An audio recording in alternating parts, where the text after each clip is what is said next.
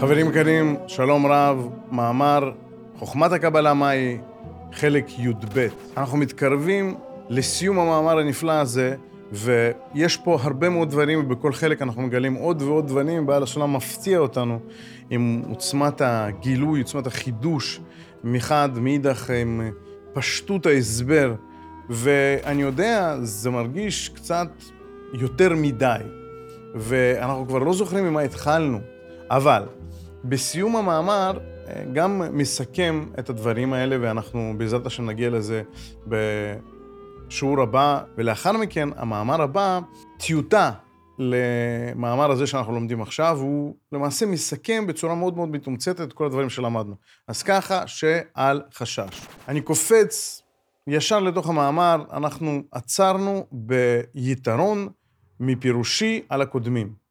שבו בעל הסולם מסביר ורוצה לשכנע אותנו למה ההסבר, הפירוש שלו, השיטת הלימוד שהוא מביא, היא יותר טובה מכל הדברים שיש היום, ומכל דרך ומכל שיטה שיש היום.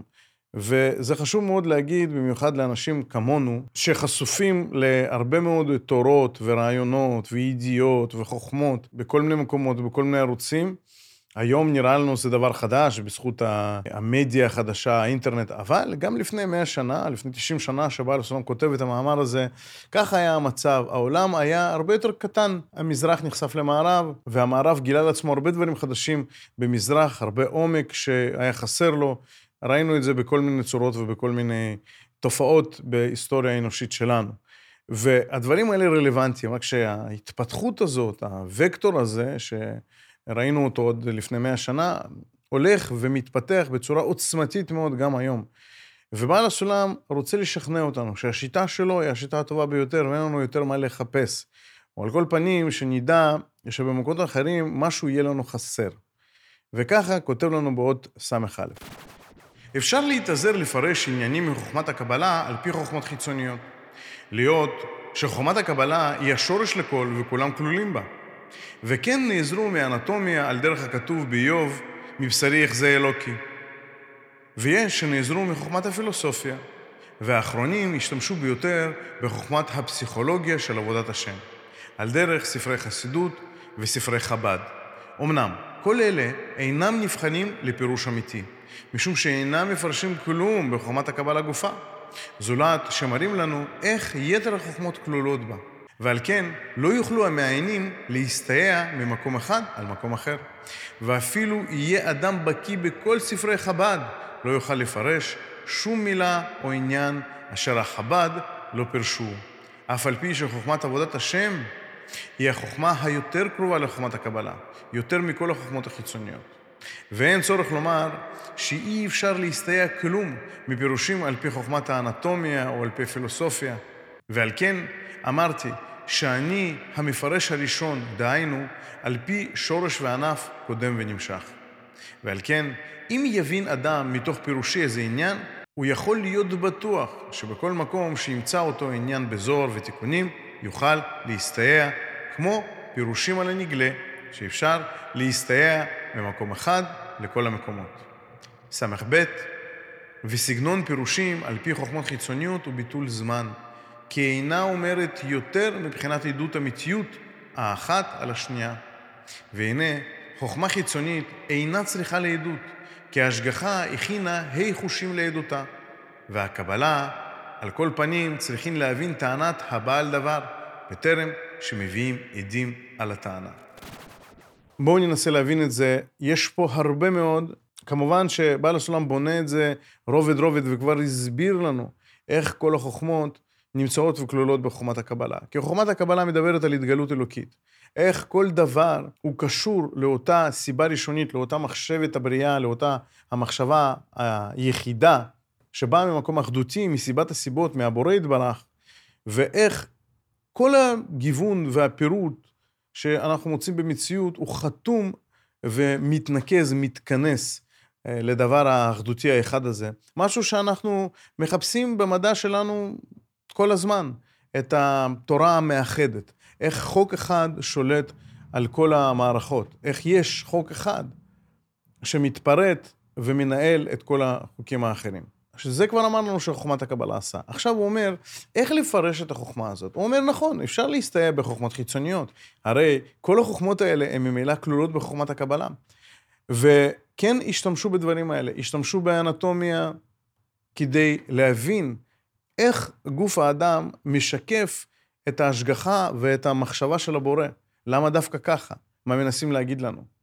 אומר שהשתמשו בפילוסופיה כדי להגות אה, בדברים, אה, בצורת המחשבה, בצורת ההיגיון, ולנסות להבין את אה, המודעות של האדם, איך היא עובדת, איך תפיסת האדם עובדת ואיך ההיגיון עובד, ועל כן להבין את שלמות ההגיונות, איך הם משתלשלים מסיבה הראשונית. בזה התעסקו לא רק היוונים לפני אלפיים שנה, אלא גם מדענים אירופאים והודים וחכמים מוסלמים לאורך אלף, אלפיים שנה האחרונות. ולאחרונה אומר שהשתמשו אף בפסיכולוגיה, שהוא איזשהו מחקר הנפש, להסביר ולקרב לדעת האנושי עניינים אה, בעבודת החסידות בעיקר. וגם מזכיר לנו את תורת חב"ד, שגם מכנה אותה כחוכמה, שהיא בעצם חוכמת עבודת השם, שאומר שהיא הקרובה ביותר להבנת שפת הקבלה, כי ממילא גם היא מדברת על התגלות אלוקית. אבל כל אלה חסרות בלהסביר ולתת פירוש מדויק לחוכמת הקבלה, אלא שהן בהיותן חוכמות שמסבירות דברים רק מגלות שהן כלולות בחוכמת הקבלה. אה, גם האנטומיה עובדת לפי העניין הזה. אה, גם הפסיכולוגיה, גם הנפש עובדת בעניין הזה. אה, גם הפילוסופיה, צורת המחשבה, צורת ההיגיון שלנו, עובדת בצורה הזאת של חוכמת הקבלה. והחוכמות האלה למעשה נותנות איזשהן עדות, חוכמת הקבלה כוללת אותנו. אנחנו כלולות בה, אבל הן לא יכולות להסביר את הדברים, אלא להגיד חוכמת הקבלה מסבירה אותנו. ואנחנו לא כל כך יכולים להסביר את חוכמת הקבלה, אנחנו יכולים לרמוז, להראות את הדברים. זה דבר אחד שהוא אומר. דבר נוסף שהוא אומר, זה דבר שאומר בסוף, אני אגיד אותו עכשיו, אומר שלהשתמש בפירושים האלה כדי להבין את חוכמת הקבלה זה עיבוד זמן. למה? ואומר פה בכתוב שחוכמה חיצונית אינה אומרת יותר אלא מבחינת עדות מהמציאות האחת על השנייה. דהיינו, החוכמות החיצוניות רק מעידות שחוכמת הקבלה האמיתית. איך הן מעידות? מה מעיד על זה שהן אמיתיות? איך פסיכולוגיה, בזה שהיא מספרת לה איזושהי תופעה, מעידה על כך שחוכמת הקבלה היא אמיתית? כי פסיכולוגיה, או אנטומיה, או אסטרונומיה, או פיזיקה, לא צריכות עדות נוספת חוץ מהתפיסה שלנו, תפיסת חמשת החושים. כי ככה אומר לנו, הכינה לנו ההשגחה, שהחוכמות האלה, המדע, לא צריך עדות אחרת, אלא תופעות שיש לנו בטבע. תופעות שאנחנו יכולים למדוד. זה מה שמאפיין את המדע. אומר, אז עם החוכמות האלה, שאנחנו יכולים להיווכח באמיתיות שלהם על ידי עדות שהכינה בעבורנו השגחה בצורת חמשת החושים שלנו, החוכמות האלה בעצמן הן המעידות על כך שחוכמת הקבלה היא אמיתית. אבל uh, זו איזושהי עדות, זה רק עדות, זה לא מסביר שום דבר. זה אומר שאם אני רואה שכוכבים uh, מסתובבים בצורה כזאת, כי ראיתי את זה בעין במשך אלפי שנים, ומבחינתי זו עדות נאמנה, שככה דבר עובד בטבע, אני יכול להבין ולהשכיל שאם יש חוקיות לדברים האלה, והחוקיות הזאת עובדת על פי חוכמת הקבלה, אז חוכמת הקבלה מכילה ממילא את החוכמה הזאת, שמבחינתי היא אמיתית, היא מספרת על תופעות אמיתיות בטבע. אז זו רק עדות, זה לא מספיק. ועוד דבר שאומר לנו בעל הסולם, שהפירוש שלו הפירוש האמיתי והמדויק ביותר, ושהוא מסביר איזשהו עניין במקום אחד, אפשר בהסבר הזה, בפירוש הזה, בהגדרה הזאת, להשתמש גם במקומות אחרים, שממילא עוסקים בעיקר של חומת הקבלה, בזוהר ותיקוני זוהר. וזו הגדרה נאמנה והגדרה מדויקת שאפשר להשתמש בה ממקום למקום. היא לא רק נסיבתית, היא לא רק אה, קונטקסטואלית, זאת אומרת, לא רק קשורה בהקשר, היא לא רק משל שאומר זה כמו זה, ולא רק עדות, אלא הגדרה מדויקת. זה מה שאומר לנו ביתרון מפירושי על הקודמים. ממשיך ומוסיף לנו בסגנון פירושים על פי חוכמות חיצוניות. ס"ג. ובזה נצמח הטעות של הרב שם טוב, שפירש את המורה נבוכים על פי חוכמת הקבלה. והוא לא ידע, הוא עשה עצמו כלא יודע, אשר אפשר לפרש גם חוכמת הרפואה, או חוכמת המדידה, גם כן לא פחות מחוכמת הפילוסופיה. בהיותם כלולים בה ובחותמה נחתמו, בחותמה של חוכמת הקבלה. אמנם, ודאי שהמורה נבוכים לא נתכוון כלל למה שכתב השם טוב ז"ל, והוא לא ראה איך, חסרה פה מילה, בספר יצירה פירש הקבלה על פי חוכמת הפילוסופיה. ס"ד וכבר הוכחתי שסגנון פירושים אלו אינם אלא ביטול זמן, כי חוכמות חיצוניות אינן צריכות עדות, וחוכמת הקבלה, בטרם נתפרשה דבריה, אין טעם להביא לה עדים על אמיתיות דבריה. בדומה, בטרם שהתובע הספיק לברר טענותיו, מביא עדים על אמונתו. לבד מחב"ד, כי חוכמת עבדות השם צריכה באמת עדים על אמיתיותה והצלחתה, ויש להסתייע ממקום חוכמת האמת. אמנם, כל החיבורים הנמצאים בסגנון זה אינם לבטלה חס ושלום, כי אחר שנבין היטב ביאור החוכמה על פי עצמה, אז נוכל להסתייע הרבה בעניין ההיקש, איך כל החוכמות נכללים בה, גם האופנים איך לבקשם, וכולי וכולי. אני פחות מתייחס לדוגמה שאמר פה בעל הסולם על הרב שם טוב. הרב שם טוב, הוא פירש אה, את ספר אה, מורה נבוכים של הרמב"ם, ואומר שפירש את זה לפי חוכמת הקבלה. ככה אני מבין לפחות מדברי בעל הסולם, אני לא מכיר את הפירוש הזה, שמורה נבוכים בעצם מדבר על חוכמת הקבלה. והנה, אני פירשתי את זה לפי חוכמת הקבלה, על כן, אה, הספר הזה מדבר על חוכמת הקבלה. אבל אומר בעל הסולם, לא, זה לא נכון, זה טעות.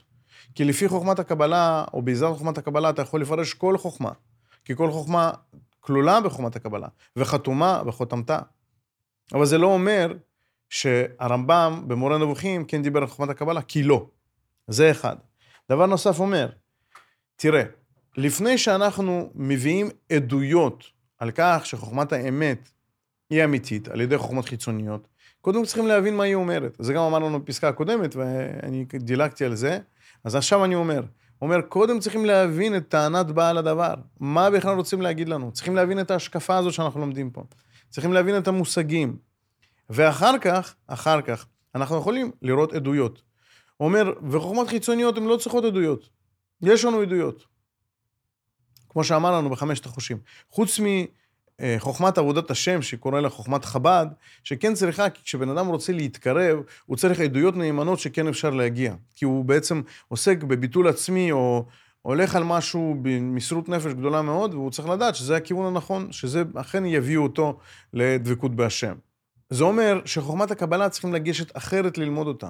קודם ללמוד אותה, את הפנימיות שלה, את המושגים שלה, את ההגדרות שלה, ורק אחר כך, בלי לבטל חס ושלום את החוכמות החיצוניות, לבוא ולהבין את החוכמות החיצוניות בצורה הרבה הרבה הרבה יותר רחבה ועמוקה, ויותר מזה, ללמוד מצורת המחקר של הפסיכולוגיה ושל האנטומיה וכולי, איך להמשיך ולחקור ואיך לבקש את הדברים, כמו שאומר פה, אופנים איך לבקשם. זאת אומרת, הן כן מלמדות איך לחקור את הדברים. מדע יש בו חשיבות גדולה מאוד. רק צריך לראות אותו בצורה שלמה, צריך לראות אותו אה, שהמדע משתלב כחלק בפאזל. לא יכול לספר לנו את התמונה השלמה, אלא רק יכול לספר לנו איך לעשות חקירה, אבל עדיין צריכים לעשות מאמץ, צריכים לעשות איזושהי תנועה של הכללה כדי לחבר את הדברים ביחד, ועל כך מספרת חוכמת הקבלה, כי ממילא היא חוכמה שמאחדת את הדברים.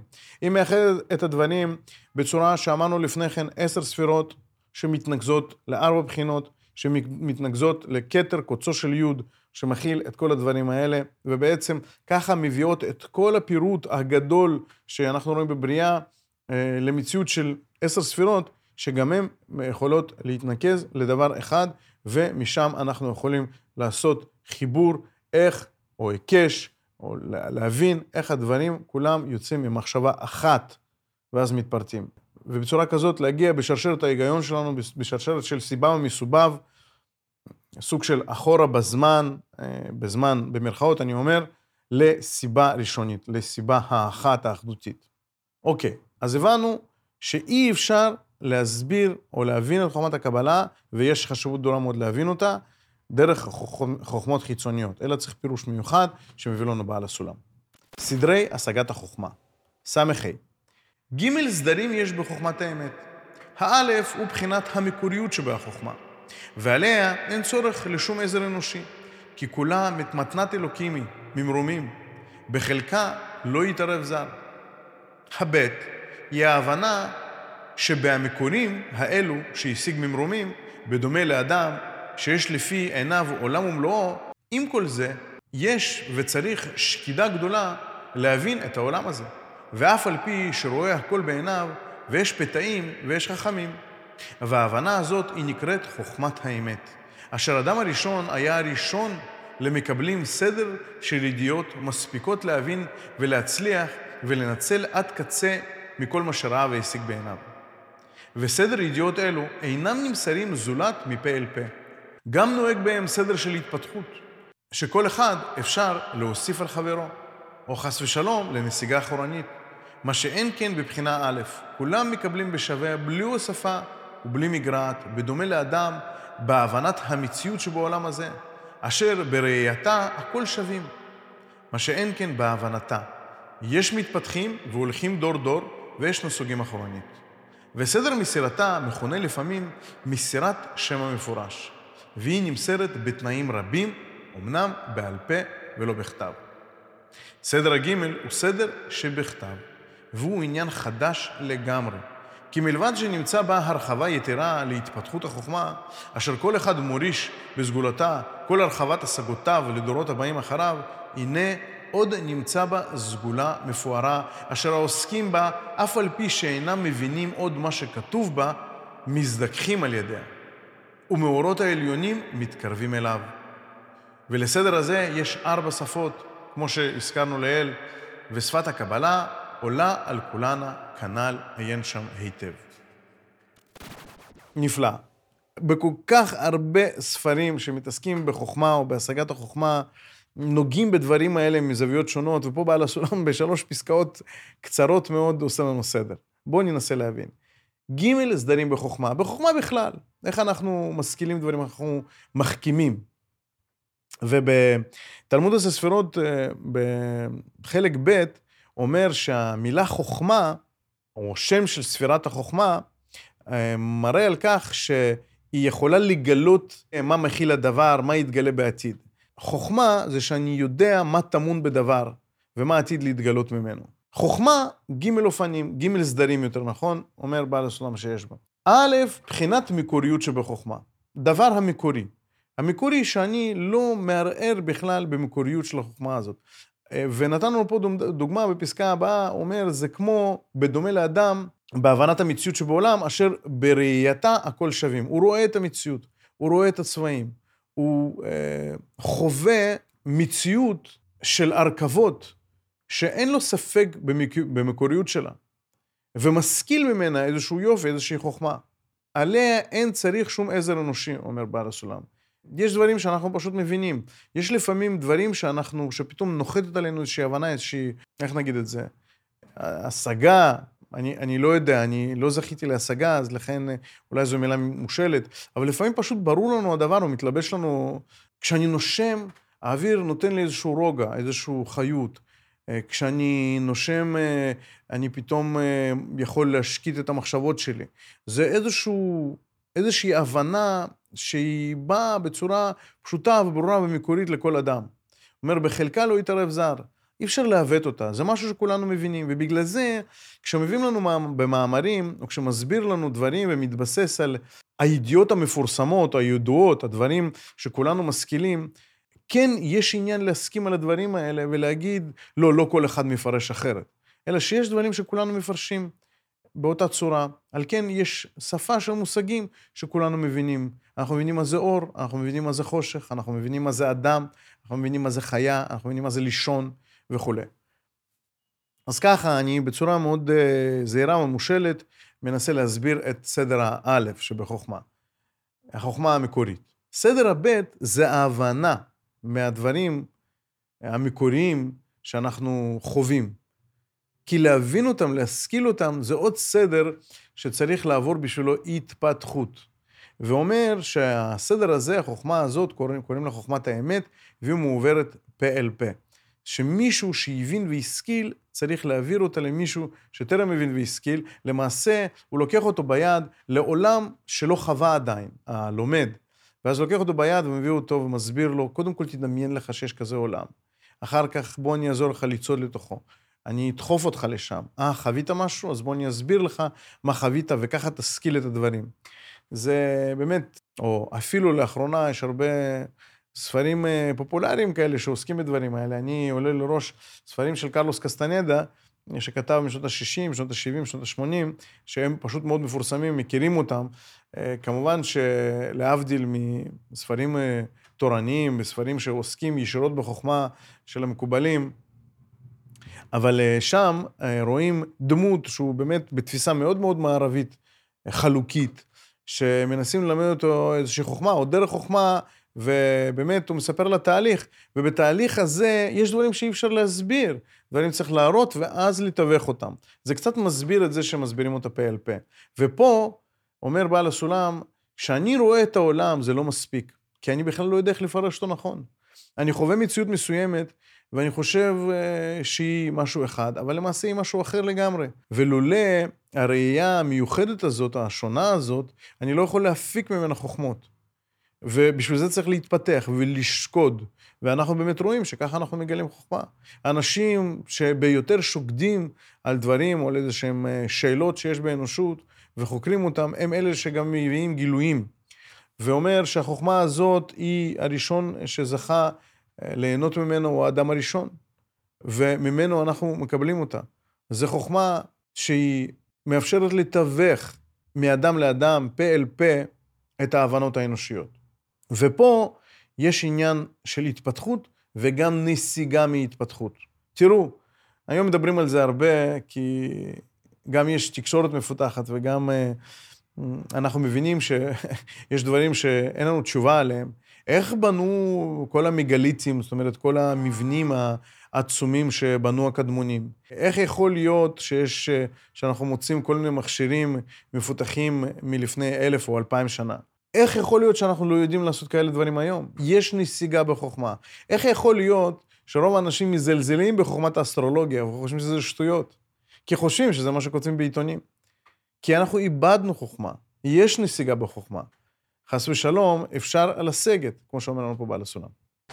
זה חשוב להבין שיש נסיגה, שהנסיגה היא אפשרית, כי יש לנו תפיסה גאוותנית משהו, שאנחנו בקרן התפתחות חד-כיוונית כזאת, שבוודאות בעבר היינו יותר טיפשים, היינו בלתי מפותחים, והיום אנחנו יותר מפותחים בחוכמה.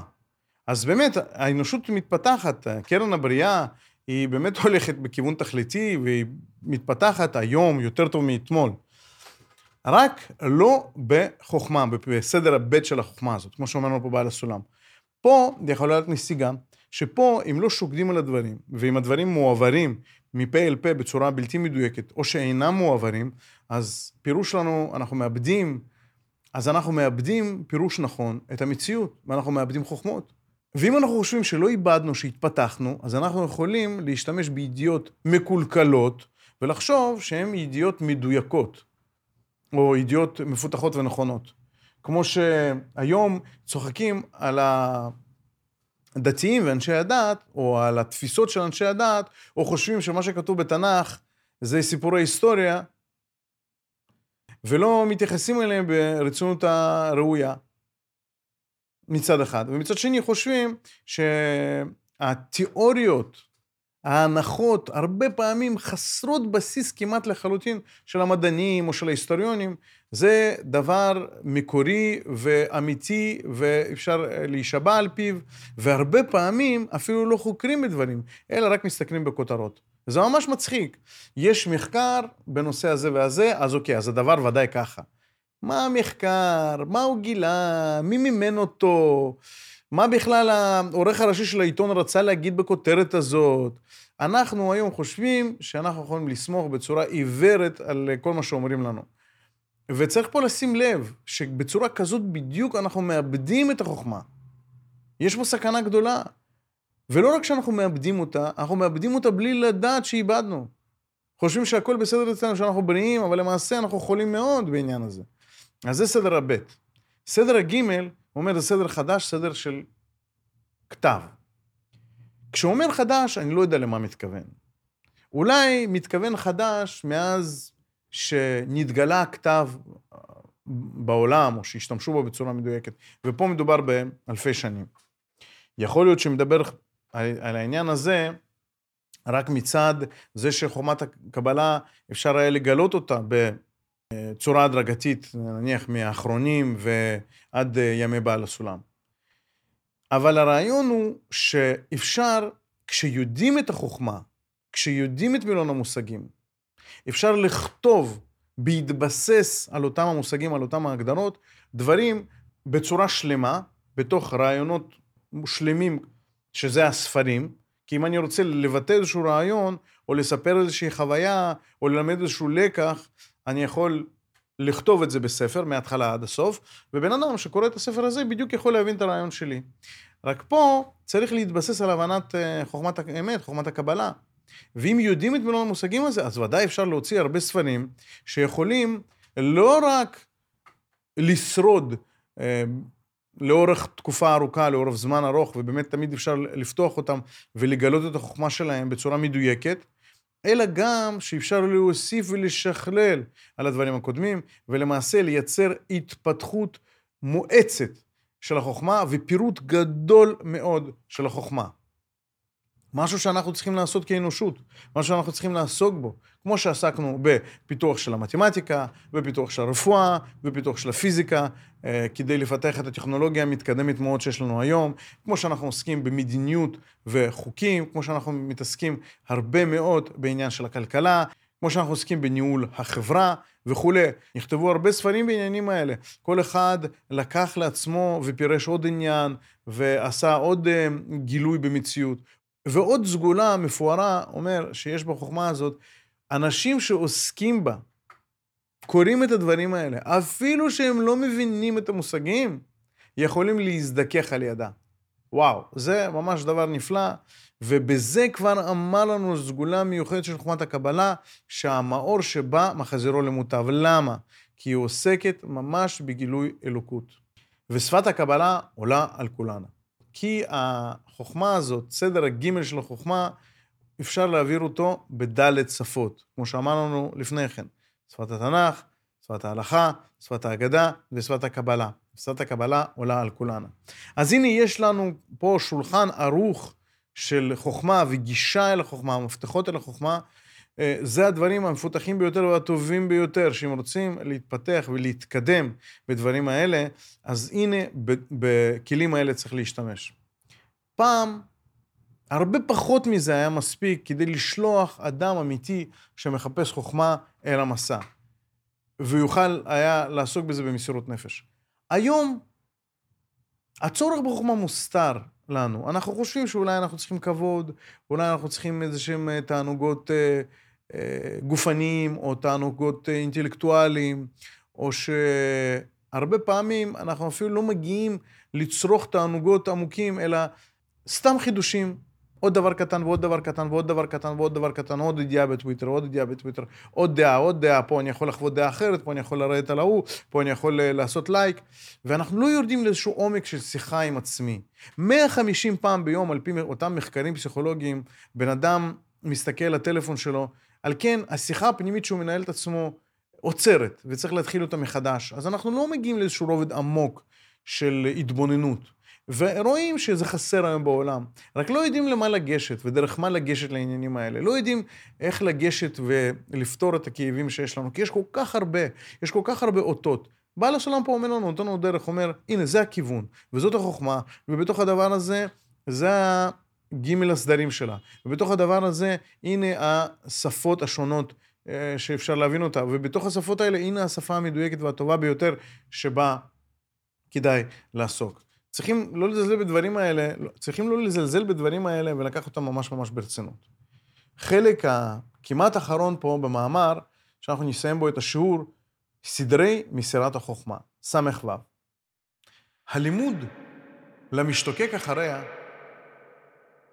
הנה הדרך היותר מוצלח, הוא לחפש אחר חכם מקובל אמיתי ולציית לו ככל אשר ישים עליו.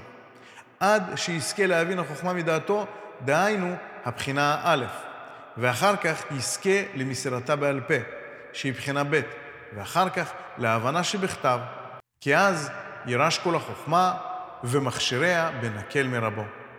ויישאר לו כל זמנו להוסיף הרחבה ולהתפתחות. תראו איזה יופי. זאת הדרך.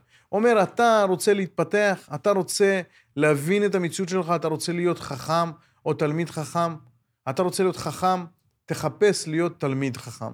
תמצא לך רב ותלך ותתבטל אליו. כל מה שישים עליך, תעשה. וככה תזכה להשיג בעצמך, מבחינה א', זאת אומרת לראות, ואחר כך תוכל להבין ולפרש את הדברים האלה דרך הלימוד מהרב שלך על פה, ואחר כך תוכל ללמוד מספרים, בעיקר ספר הזוהר, כפי שמביא לנו פה במקומות רבים, וגם אנחנו מבינים מה מדובר, ואז תוכל להבין גם את כל מה שרבך מלמד אותך בקלות, ואז תוכל להוסיף ולהתפתח, וגם אתה תהיה חלק, חוליה מהשרשרת החשובה הזאת, שאנחנו צריכים מאוד, מאוד, מאוד, מאוד, מאוד להיות חלקים ממנה. ס"ז, אמנם במציאות נמצא עוד דרך, דרך ב', אשר מרוב השתוקקותו וביקוש הגדול שבאדם, יפתחו עליו מראות השמיים, וישיג בעצמו כל מקוריות שהוא מבחינה א', ואחרי זה מחויב אמנם לטרוח ולהתייגע הרבה, עד שמוצא רב חכם שיוכל להיכפף ולשמוע לו ולקבל החוכמה בבחינת המסירה פה אל פה, שהיא בחינה הב' ואחר כך לבחינה הג'. ומתוך שאינו נסמך לחכם מקובל מתחילתו, באים לו השגות ביגיעה גדולה התופסת זמן ארוך, ונשאר לו זמן מועט להתרחב בה, או יארע לפעמים שהשכל יבוא אחר זמן לגמרי, כמו שכתוב באיוב, וימותו ולא בחוכמה. והם 99 אחוזים ממאה, אשר נקראים אצלנו איילה ולא נפקי. נכנסים ולא יוצאים. ודומים כמו הפתאים והעם הארצים שבעולם הזה, שרואים עולם ערוך בעיניהם ואינם מבינים אותו ולא כלום, חוץ מלחמם שבפיהם. אז מה הוא אומר? הוא אומר, אם אתה לא מחפש את הרב הגדול, אלא אתה רוצה לבנות על ההשתוקקות שלך ולשבור שיניים לבד ולחפש את הדברים האלה עד שהם יתגלו לך, זה יכול לקרות. זה יכול לקרות. יכולים משמיים לתת לך, לפתוח לך את העיניים וכולי, מחד. מאידך, לרוב זה לוקח המון המון המון זמן, כי זו בדרך ייסורים, זה לא בדרך תורה. והרבה פעמים אתה מבזבז את הזמן שלך בעולם הזה ולא קונה שום חוכמה. והוא אומר, וזה מה שקורה לרוב האנשים, שרוצים לבד, לא מוכנים להתבטל. וחבל. רואים עולם גדול, אבל לא מבינים ממנו כלום. חיים את העולם, אבל לא מבינים בכלל מה, למה כל הדברים האלה. לא מבינים בכלל מה קורה להם. לא מבינים בכלל שבני אדם שמדבר איתם הם נפש, ומאחורי הנפש הזאת יש גם נשמה, ושאנחנו כולנו במקום אחד, אחד שאפשר לבוא ולהתחבר מעבר לזמן ומקום. שהמקומות וזמנים הגשמיים הם רק סימן, וכן אפשר להרגיש אנשים ולהתחבר אליהם כאלה שאפילו נמצאים מעבר לים, ועוד הרבה דברים מעבר, שאפשר אה, ללמוד אה, בחלום, שאפשר לקבל רפואה בחלום. איך אפשר לייצר חיבורים עם בני אדם, שקונפליקט הוא דבר טוב ולא צריכים להיות נחמדים יותר מדי, שכן במקום הזה מסתתר איזשהו חיבור עמוק יותר וגילוי גדול יותר, וכולי וכולי וכולי וכולי. וזה דברים שהגיע הזמן שאנחנו נלמד. והדרך הטובה ביותר זה באמת למצוא רב כזה שאפשר להתבטל אחריו. ומה אם אני לא מוצא? תמצא משהו שקרוב, ויעזרו לך, יפתחו לך.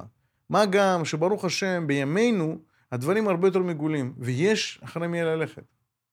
אני ממשיך וקורא את הפסקה האחרונה שבמאמר ס"ח, אמנם גם בדרך הראשון לא כולם מצליחים. כי מרביתם, אחר שזכו להשגה, זכה דעתם עליהם, ואינם יכולים להיכפף למשמעת רבם כפי הצורך. כי אינם ראויים למסירת החוכמה, ואז מוכרח החכם להסתיר את גופי החוכמה מהם, וימותו ולא בחוכמה. אלה ולא נפקא.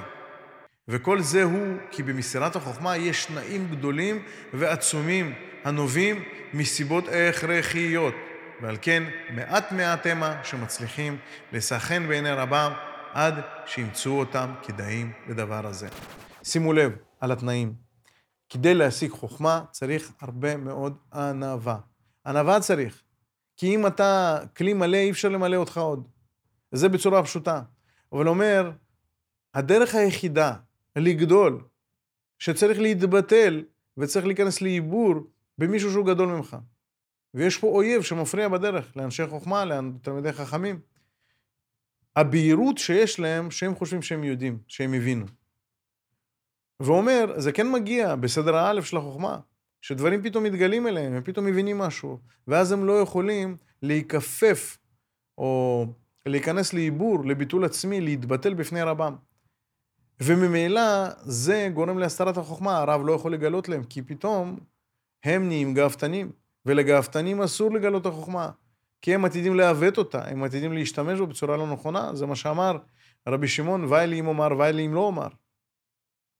כי אם אומר, אז הרשעים יוכלו להשתמש בחוכמה הזאת כדי לשרת את אדונם, שזה אל, אל זר, מה שנקרא, אל אחר, שזה את הגאווה שלהם. וגם אנשים שהולכים בדרך האלף, שהיא על פניו דרך קלה וסלולה, לא כולם מצליחים. כי יש תנאים הכרחיים, ולא אפשר לגלות חוכמה לכל אחד. זה סוג של נקודה ששם פה בסוף המאמר הזה, כדי שנבין שהחוכמה הזאת זה לא רק דבר שהוא מחוצה לנו, זה דבר שקשור אלינו מאוד. מחד. מאידך, אנחנו האוהב הגדול ביותר של עצמנו, האני הכוזב שלי, האחד שרוצה להבין רק בצורה אחת מסוימת את העולם, רק בצורה של פרטיות, לא, ממילא לא יכול להתחבר לדברים, ממילא לא יכול לגלות ולחשוף דברים.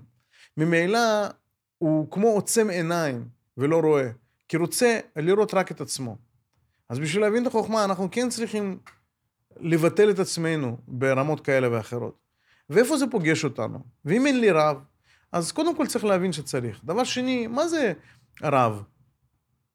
אם אתה קובע לעצמך זמן מסוים שאתה רוצה ללמוד, ואתה שהחליט לקבוע עיתים לתורה, קבע עת מסוימת, וכשהגיעה העת הזאת, אתה אומר, רגע, אני רעב, אני עסוק, אני בלחץ, אני לא יכול, תתבטל אליך שהחליט ללמוד תורה בזמן הזה. תצא מעצמך, תגיד, אני לא מחליט עכשיו. אותו אחד שהחליט ללמוד אתמול, או לפני שבוע, או לפני חודש, או לפני שנה, אליו אני מתבטל בעניין הזה. ככה אפשר להתקדם. וכמובן, יהיה לא פייר אם אני לא אזכיר את זה שאנחנו בקהילת הסולם הולכים, ברוך השם, זכינו אחרי רב מקובל גדול, הרב אדם סיני, שיזכה לימים טובים וארוכים, אמן, והולכים אחריו, וברוך השם, כן שוברים שיניים, כי זאת עבודה קשה, אבל כן מתפתחים, וכן מרבים בחוכמה, וכן נהיים אנשים אחרים, אנשים יותר משפיעים, וכן נהיים תלמידי חכמים. אני לא מתבייש להגיד את הדבר הזה, כי כולנו צריכים להגיע לשם, כולנו צריכים להגיע לשם. והנה, אני אומר ומביא עדות שכן הדבר אפשרי. שכן הדבר אפשרי. ובטוח אני לא דוגמה הכי טובה של הדברים האלה. בטוח יש אנשים שיכולים לעשות עבודה במסירות נפש גדולה יותר ולהתפתח במהירות גדולה יותר. אבל כן, עבודת ההתבטלות היא חשובה. ותראו, היום בעולם, הדבר הזה מזולזל לגמרי. זה נראה בלתי מקובל בעליל להתבטל בפני מישהו. מה, הרב שלך יותר חכם ממך? מה אתה, אין לך שכל של עצמך? ומה אנחנו אומרים? לא, אין לי, אין לי. אין לי את השכל של עצמי. אני עובד בצורה הזאת של התבטלות, ללמוד פה אל פה, לצאת מעצמי, מהתפיסות השגויות שלי, כדי שאוכל להתחבר למשהו גדול יותר ממני. כי הרב שלי הוא רב ממני, הוא גדול ממני. ככה אני קיבלתי על עצמי. כן, אבל איך אתה יכול לסמוך? איך אני יכול לסמוך על אני שקיבל על עצמי את, ה, את העניין הזה? בדיוק בדיוק באותה צורה, בצורת התבטלות.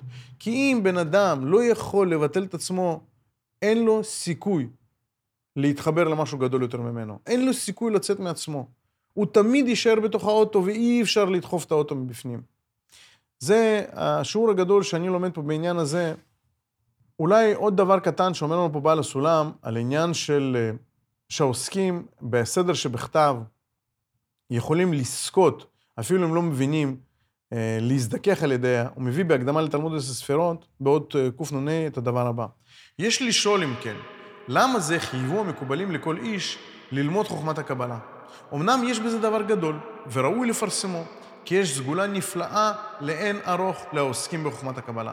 ואף על פי שאינם מבינים מה שלומדים, אלא מתוך החשק והרצון החזק להבין מה שלומדים, מעוררים עליהם את האורות המקיפים את נשמתם.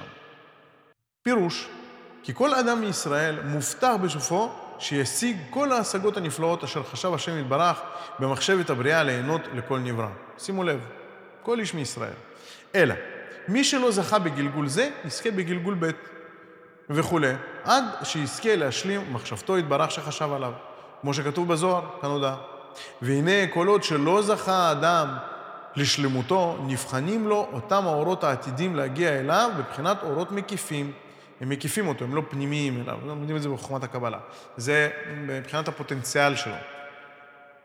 שמשמעותם היא שעומדים מוכנים בעדו, אלא שהם מחכים לאדם שיזכה, בעצם יזדכך, כלי הקבלה שלו, ואז יתלבשו האורות האלו בכלים המוכשרים. ולפיכך, גם בשעה שחסרו לו הכלים, הנה בשעה שאדם עוסק בחוכמה הזאת ומזכיר את השמות של האורות והכלים שיש להם מבחינת נשמתו שייכות אליו, הנה הם תכף מאירים עליו בשיעור מסוים, אלא שהם מאירים לו בלי התלבשות בפנימיות נשמתו, מטעם שחסרים הכלים המוכשרים לקבלתם, כאמור.